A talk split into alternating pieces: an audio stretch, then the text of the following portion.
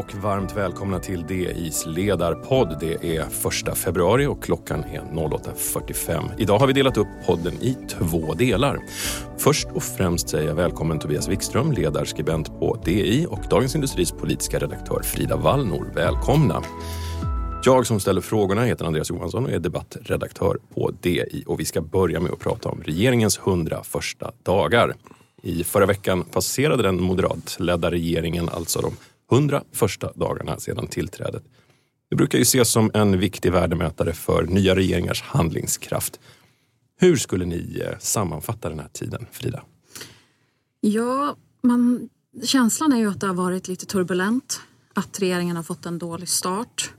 Eh, det som har hänt den senaste tiden här med att eh, det bekante PM Nilsson avgick här som statssekreterare bidrog ju till den känslan, framförallt nu när det händes samtidigt som vi har haft de här problemen vi har sett i NATO-processen med Turkiet och den här våldsvågen i Stockholm så har det ju verkligen framställts som att det har varit kaos sedan den nya regeringen tillträdde. Men jag tycker att om man tittar lite närmare på det här så, så är den här bilden överdriven. Eh, jag vill inte förringa vår tidigare chef på något sätt men han var ju faktiskt inte minister utan statssekreterare och men att tidigare regeringar har ju verkligen överlevt eh, trots ministeravgångar. Eh, elstödet kommer ju betalas ut nu. Det har ju varit en stor snackis. Men det är ju väldigt stora summor som kommer betalas ut. Eh, och när det gäller både situationen med Turkiet och våldsvågen i Stockholm så, så är det ju faktiskt ingenting som den här regeringen har orsakat. Så jag tror att det, det handlar mycket om kommunikation ska jag säga. Tobias, hur skulle du sammanfatta de här hundra dagarna? Alltså det beror ju på om man, om man ser det utifrån opinionsläget, alltså vad, hur regeringen framställs och vad kanske väljarna i opinionsundersökningar tycker. Då har det ju varit lite si och så. Men om man ändå skulle eh, flytta sig lite längre upp i luften och titta på hur det är för Sverige så tycker jag ändå att det har gått så, rätt så bra. Om man ska mäta en regering bara ska säga, vad ska jag säga, bara efter hur de håller, eller lyckas leva upp till vallöften, ja, då är det kanske en sak. Men för de flesta av oss så är det någonstans slutresultatet som räknas. Och i det läget så måste jag ju säga att, att jag tycker att det har varit rätt så stabilt ändå. Men det som är tydligt är ju att regeringen behöver verkligen en positiv berättelse att fokusera på nu för det har varit så mycket negativt. Och om det är någonting som, som har fått kanske lite för lite utrymme som ändå har varit positivt tycker jag är Kristerssons framträdande i Strasbourg och hela hanteringen av EU-ordförandeskapet så här långt. Eh, där gjorde han ju väldigt bra ifrån sig. Eh, så det skulle möjligen kunna bli en sån här positiv berättelse framöver. Vi får se. Om man tittar på regeringssamarbetet då, hur, hur har det sett ut? Hur har man hållit ihop? Tobias? Eh, jag tycker att det har gått, eh, jag höll på att säga över förväntan, men, men det, det, kan man ju diskutera vad förväntningarna var. Men de har ju hållit ihop. Eh, nu finns det här på de sista dagarna, det finns ju något som, som spänner i den här frågan om NATO och reaktionerna på de här koranbränningarna och de här obehagliga sakerna. Eh, och det återstår att se om det sätter några spår. Men, men i den svenska inrikespolitiken så har det ju gått väldigt smidigt. Ibland så, eh, så måste ju regeringen vika sig för Sverigedemokraterna. Till exempel härom dagen så bestämde man sig för att eh, böja sig för Sverigedemokraterna som ju tycker samma sak som Socialdemokraterna i fråga om den här karensdagen eller karensavdraget eh, som det nu heter. Och så fick man lägga ner en utredning och göra om. Men det tycker jag snarare tyder på att man förstår hur majoritetsförhållandena ser ut. Det, det är inget tecken på att det finns en, en spänning i, i regeringen utan det, det var majoritetsförhållandena som fick styra. Mm. Men som jag förstår det så på samma tema så, så är det ju snarare KD än SD som har varit den irriterande faktorn i det här samarbetet så här långt. Att kanske försökt att hävda inflytande som är större än vad man kanske skulle kunna förvänta sig med tanke på deras opinionsstöd. Eh, men det är ju ingenting som kanske kommer ut så mycket. Men jag, jag håller med Tobias om att det, det känns som det har gått bättre än vad man kanske skulle kunna vänta sig. Mm. Opinionsmässigt så har det ju inte gått så bra för samarbetspartierna.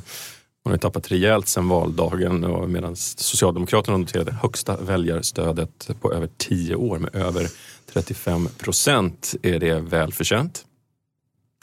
Alltså de, S har ju verkligen en tacksam roll här. Eh, de kan ju verkligen stå vid sidan av nu och prata om eh, brutna vallöften, Trots att de ju själva också pratade om att införa ett sånt här högkostnadsskydd för elpriserna på samma sätt som regeringspartierna under valrörelsen.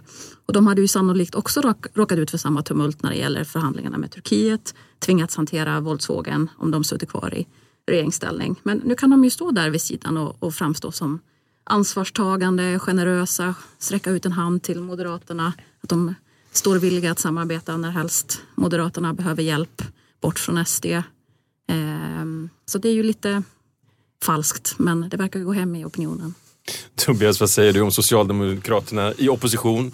De är inte så tokiga på att vara i opposition måste jag säga. De, de vet, de jag tror att Magdalena Andersson prioriterar var hon ska sätta in sin stöt så att säga.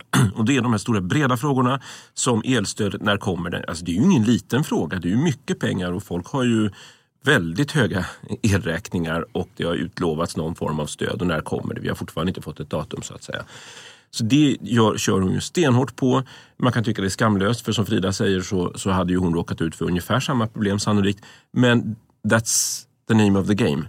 Så är det bara. Och, så, och sen så i övriga frågor så inriktar hon sig på de riktigt känsliga sakerna som till exempel nu i NATO-frågan och vad Sverigedemokraterna egentligen har för roll. Eh, så att jag tycker hon sköter sina kort rätt och regeringen har ju kanske inte misslyckats men de har ju en extrem otur med omvärldshändelserna så här det första halvåret. Det är så mycket som har hänt och den här kriget med NATO-utvecklingen så att säga har tagit sig en, en besvärligare vändning än man kanske hade tänkt sig. Men sen, samtidigt så tycker jag att man måste ha lite tålamod också med den nya regeringen. Alltså de har ju tillsatt flera, flera utredningar på kriminalområdet till exempel och de har satt igång sitt ambitiösa kärnkraftsprojekt. Eh, men det är klart att de här sakerna tar ju tid innan också det ger verkan. Eh, och det kanske inte framstår som jättehandlingskraftigt att tillsätta utredningar men det är ju så det här fungerar, maskineriet. Så jag tror att om man ger de här, den här regeringen lite tid så kommer det, det kommer börja märkas resultat. Till exempel i slutet av det här året så har man ju sagt att man ska sänka reduktionsplikten och då kommer det ju bli en, en annan effekt på drivmedelspriserna eh, än vad vi har sett hittills. Eh, bara ett exempel. Så, så jag tror att eh, man ska inte döma ut dem för tidigt. Mm. Om vi håller oss kvar lite grann vid den här haltande NATO-processen, eh, protesterna, eh, koranbränningarna och så vidare. Eh, dessutom då skjutningar i Stockholm, sprängningar ideligen. Hade regeringen kunnat agera annorlunda för att undvika det som har skett nu? Alltså det är ju klart att olika ministrar har ju uttryckt sig en aning eh, klumpigt får man ju säga när det gäller just förhandlingarna med Turkiet. Eh, men jag tror överlag att det här hade eh, liksom hamnat mitt i den turkiska valrörelsen oavsett vilken regering som hade suttit, oavsett vem som hade varit Sveriges utrikesminister. Eh, och jag menar för Erdogans räkning så är det här precis vad han behöver med tanke på att han har svag ställning i opinionen. Turkiska ekonomin, vilket Tobias skrev om i veckan, är ju jättesvag. Så att han är ju väldigt behov av en sån här extern fiende som man kan liksom rikta uppmärksamheten mot under valrörelsen. Så på så sätt passar ju Sverige perfekt i den här i, den här, i det här sammanhanget. Eh, så ja, jag tror att det är... Jag har svårt att se hur det hade kunnat gått på något annat sätt. Kan vi vänta oss att tonläget eh, dämpas något efter det turkiska valet? Tonläget från den turkiska sidan menar du? Mm, ja, det, det, skulle jag väl föreställa mig. Därför att jag tror att det är eh, ödesbestämt så att säga att Sverige och Finland kommer att komma med i, i NATO. Eh, alla har ett intresse av det, inte minst Turkiet som ju också vill, vill eh, förbättra sina relationer med USA. De vill ju köpa flygplan därifrån och så. Så att eh, jag tror att när valet är överstökat så, så kommer det att gå på ett annat sätt och allt tyder ju på att på diplomatisk nivå så har det här fungerat fram till att man avbröt förhandlingarna nu på ett bra diplomatiskt plan utan det är ju på en högre nivå, alltså på den här stora politiska retoriska nivån som det här har förekommit. Och när det gäller våldsvågen måste jag tillägga så, så har jag också väldigt svårt att se att det hade kunnat gått på något annat sätt nu. Det, alltså det vi ser nu i Stockholm det är ju verkligen ett resultat av år med för hög invandring, misslyckad integration i Sverige, eh, den tidigare regeringens oförmåga att göra någonting kraftfullt åt det. Så, så det är ju inte konstigt, även om det är fruktansvärt det som sker nu. Men ja, det är ju inte den, den här regeringens fel på, på det sättet. Mm. När det gäller näringslivspolitiken då så riktade Centerns ekonompolitiska talesperson Martin Ådahl skarp kritik mot regeringen i en debattartikel i veckan. Han hävdar bland annat att regeringen går SDs ärenden och sätter höjda bidrag och höjd a-kassa framför arbetslinjen och sänkta skatter. Tobias, har han rätt i det? Ja, delvis. För när det gäller de här höjda bidragen då syftar han väl rimligen på att eh, a-kassan inte sänktes ner till den nivån den var tidigare innan. Det, det sa ju Ulf Kristersson att det här var en solklar vinst för Sverigedemokraterna och en solklar förlust för Moderaterna. Eh, då får man komma ihåg att Socialdemokraterna tycker likadant som Sverigedemokraterna i den här frågan. Så man får ju ändå fundera på att om, om Magdalena Anderssons eh, sida hade vunnit valet och Martin Ådahl kanske hade blivit minister i en koalitionsregering, hade han då lyckats, lyckats att säga, ställa villkor om att a-kassan ska sänkas? Mm, jag vet inte. Eh, när det gäller då företagarpolitiken i övrigt så pekar ju Martin Ådahl eh, i eh, sin artikel på att momssatserna för vissa saker har höjts och att eh, special han talar också om arbetsgivaravgifter, sänkta arbetsgivaravgifter för unga då, som han ju värnar väldigt mycket om. Men, men alltså, som jag kan tycka då så har ju Centern fallit in i väldigt mycket av Eh, specialriktade skattesänkningar till vissa branscher, vissa grupper anställda och så vidare. Och jag tror inte att det är vad näringslivet efterfrågar, att man, att man kör riktade skattesänkningar till vissa, att, politiker ska bestämma var insatserna ska göras, utan man vill ju ha ett generellt, stabilt, företagsvänligt, eh, företagsvänlig ekonomisk politik. Det är ju det man efterfrågar. Vad kan man säga om regeringens näringslivspolitik så här långt då, Frida? Jag tycker att det har varit förhållandevis bra.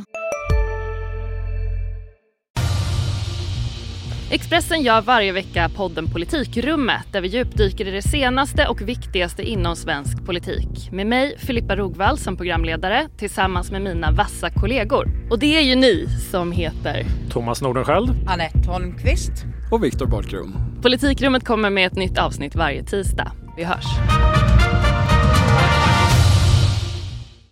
Vi är specialister på det vi gör, precis som du. Därför försäkrar vi på Swedea bara småföretag, som ditt. För oss är små företag alltid större än stora och vår företagsförsäkring anpassar sig helt efter firmans förutsättningar. Gå in på swedea.se företag och jämför själv. De har ju fått en del kritik för det här med hur man har kommunicerat kring vindkraften till exempel när vi pratar om energiförsörjningen. Och där tycker jag det finns, där kan de verkligen förbättra sig för där har man ju kunnat få intrycket att regeringen inte gillar vindkraft.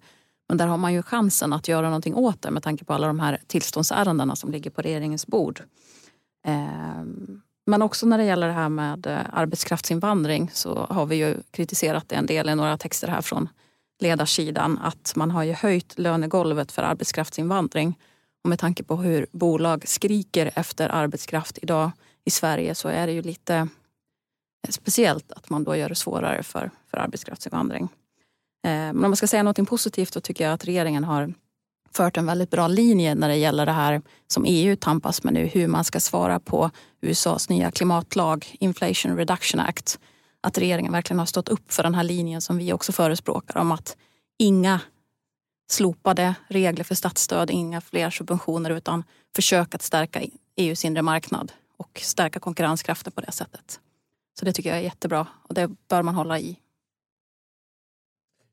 Vill du, säga, vill du säga något? Nej, jag vill också bara påminna om att eh, det, det, regeringen har gjort några utredningsinitiativ. Man har alltså lagt ner en utredning om den så kallade exitskatten som den förra regeringen tillsatte precis före valet. Och man har ändrat på direktiven i en 3.12-utredning. Nu ska den jobba i företagsvänlig anda. Och så stod det inte tidigare. Kan låta som en liten sak men jag tycker att det är en positiv inriktning. Jag tror att det betyder en del för Sveriges företagare att de får de här tydliga signalerna från finansminister Elisabeth Svantesson. Tack för det Tobias Wikström och Frida Wallnor.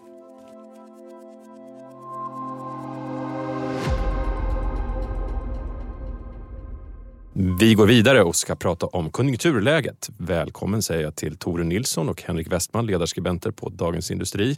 Ja, vi befinner oss i en vecka med många tunga bolagsrapporter men också flera räntebesked från några av världens viktigaste centralbanker. Vilket kan ge ledtrådar både om hur den svenska ekonomin mår och hur den svenska riksbanken kan komma att agera framöver. Om vi börjar med bolagsrapporterna, hur skulle ni sammanfatta läget så här långt? Eh, ja, överlag så är det ju väldigt eh, bra rapporter. Ehm, viss, viss spridning men, eh, men överlag väldigt bra om man ska mm, kortfattat sammanfatta det. Och det positiva är väl utdelningarna som, som har i många fall blivit överraskande stora och det tycker jag är intressant. Det säger ju en del om 2022, att det var bra trots alla utmaningar. Eh, och det säger ju också någonting om hur bolagen ser på eh, innevarande år. Mm.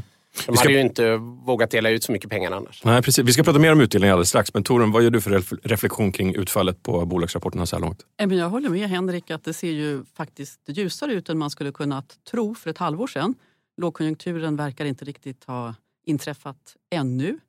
Men det är också lite spretigt tycker jag. Och det är som att det är pandemieffekter som fortfarande hänger kvar. För att eh, det kommer både negativa och positiva överraskningar. Till exempel så verkar fordonsindustrin vara på väg. Autoliv kom med en bra rapport, de är helt beroende av fordonsindustrin. Volvo eh, kom med en hyfsad rapport. Traton, Scania-lastbilar säljer tydligen ganska bra. De har inte kommit med rapport men det har kommit sådana siffror. Så att det märks en hel del. Men å andra sidan så har Atlas Copco som överraskade negativt. Och det beror på att de säljer vakuumpumpar, en omvänd kompressor. En vakuumpump används ofta i techindustri och sånt där det måste vara väldigt ren miljö, tillverkningsmiljö och de har plötsligt sämre efterfrågan från eh, tillverkare av eh, kretsar.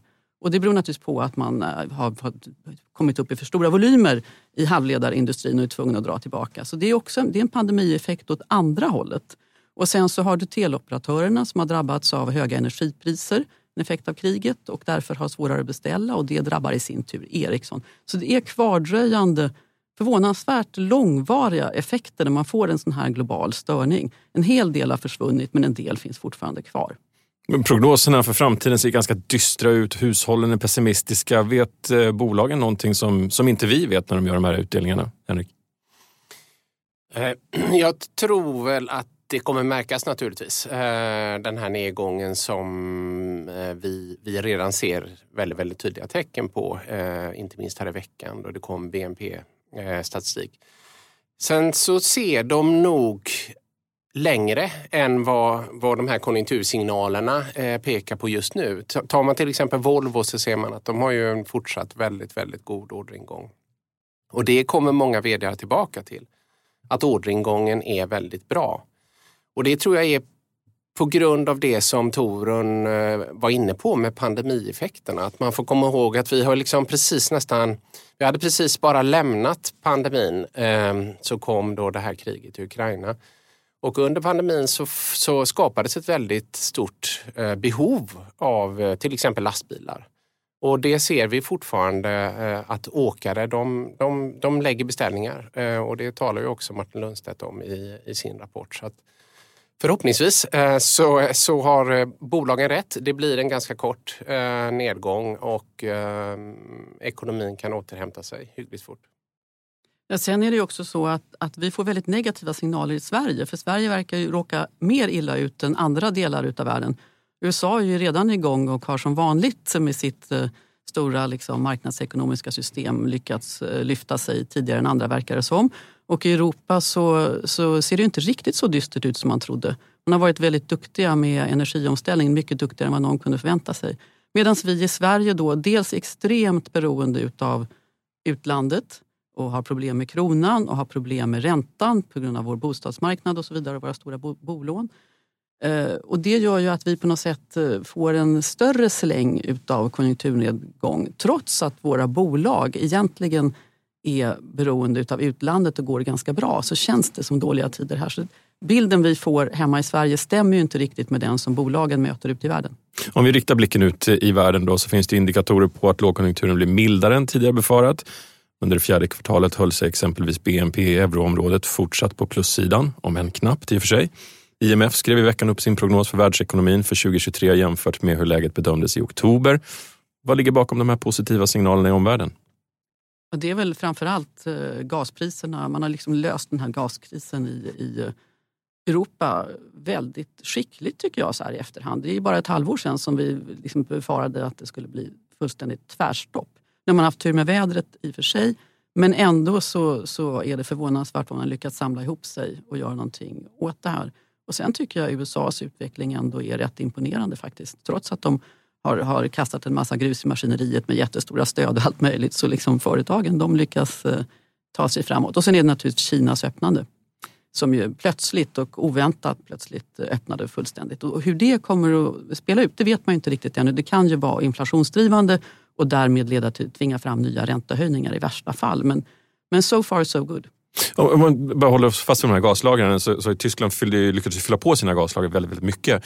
Vad, vad kan man säga om hur ser det ut inför nästa år, nästa vinter? Är det, kommer vi att klara oss lika bra då eller är det nya kriser då? Det är ju nästa stora fråga och nu pratar alla om att åh, då kommer det bli kris till sist. Men jag menar, om de klarar det här så bra så kan man ju inte veta hur det går nästa år. Det kanske går jättebra. Det, det är ingen som kan svara på det nu. Och läget är överhuvudtaget så osäkert och det märks ju också i rapporterna att de vill ju inte riktigt säga att det inte blir lågkonjunktur för man kan ju inte veta för läget är så instabilt. Så de säger att ja, hittills har vi inte märkt någon. Men, men den kanske kommer. Vi vågar inget säga ännu riktigt. Mm. Henrik, vad säger du om tonläget?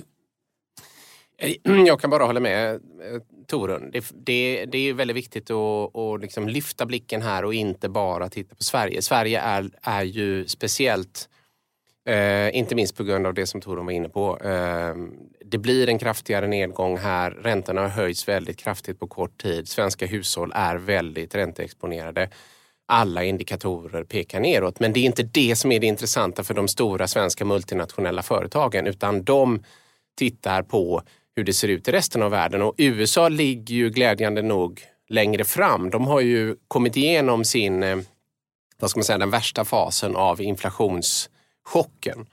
De är, de är på väg ut ur den, eh, vilket, är väldigt, vilket är väldigt glädjande och hålla, vi får hålla tummarna att det håller i sig. Och sen har vi också då naturligtvis det stora wildcardet eh, Kina. Eh, hur, hur positiv blir öppningen där? Att den blir positiv, det tror jag man verkligen kan utgå ifrån.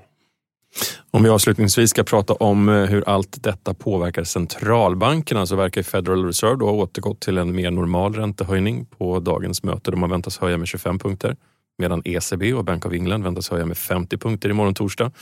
Vad betyder det här för Riksbankens kommande räntebesked den 9 februari, Torin? Ja, det ska bli otroligt intressant med ny riksbankschef och ett rätt prekärt läge i Sverige samtidigt som vi är ju jätteberoende av vad man gör i Europa och vad de gör på ECB.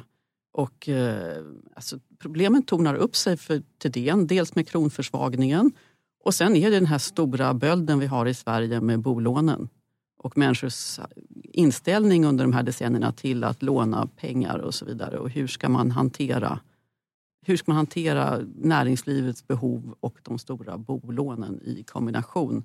Det ska bli jättespännande att se hur han attackerar det här. Det här var ju en hjärtefråga för Erik Thedéen på Finansinspektionen så man kan väl kanske förvänta sig att han tar med sig den till Riksbanken. Henrik, eller? Det tror jag, det tror jag verkligen. Och som tillägg till det så tycker jag det är intressant att notera att både eh, Svenskt Näringsliv och LOs chefsekonomer är överens om att Erik Thedéen bör gå varligt fram Eh, och det är också någonting som, som vi har påtalat vid flera tillfällen. Man får ju komma ihåg att räntan för inte så länge sedan var noll och nu är den två och en halv. Eh, och det blir ju en enorm belastning på eh, svenska hushåll som till allra största delen har eh, rörlig ränta på sina bolån. Stort tack för det, Tore Nilsson och Henrik Westman. Vi eh, kommer tillbaka eh, nästa vecka. Missa inte Dagens Industris andra poddar som Analyspodden, Digitalpodden och Makrorådet. Jag heter Andreas Johansson och ansvarig utgivare det är Peter Fällman.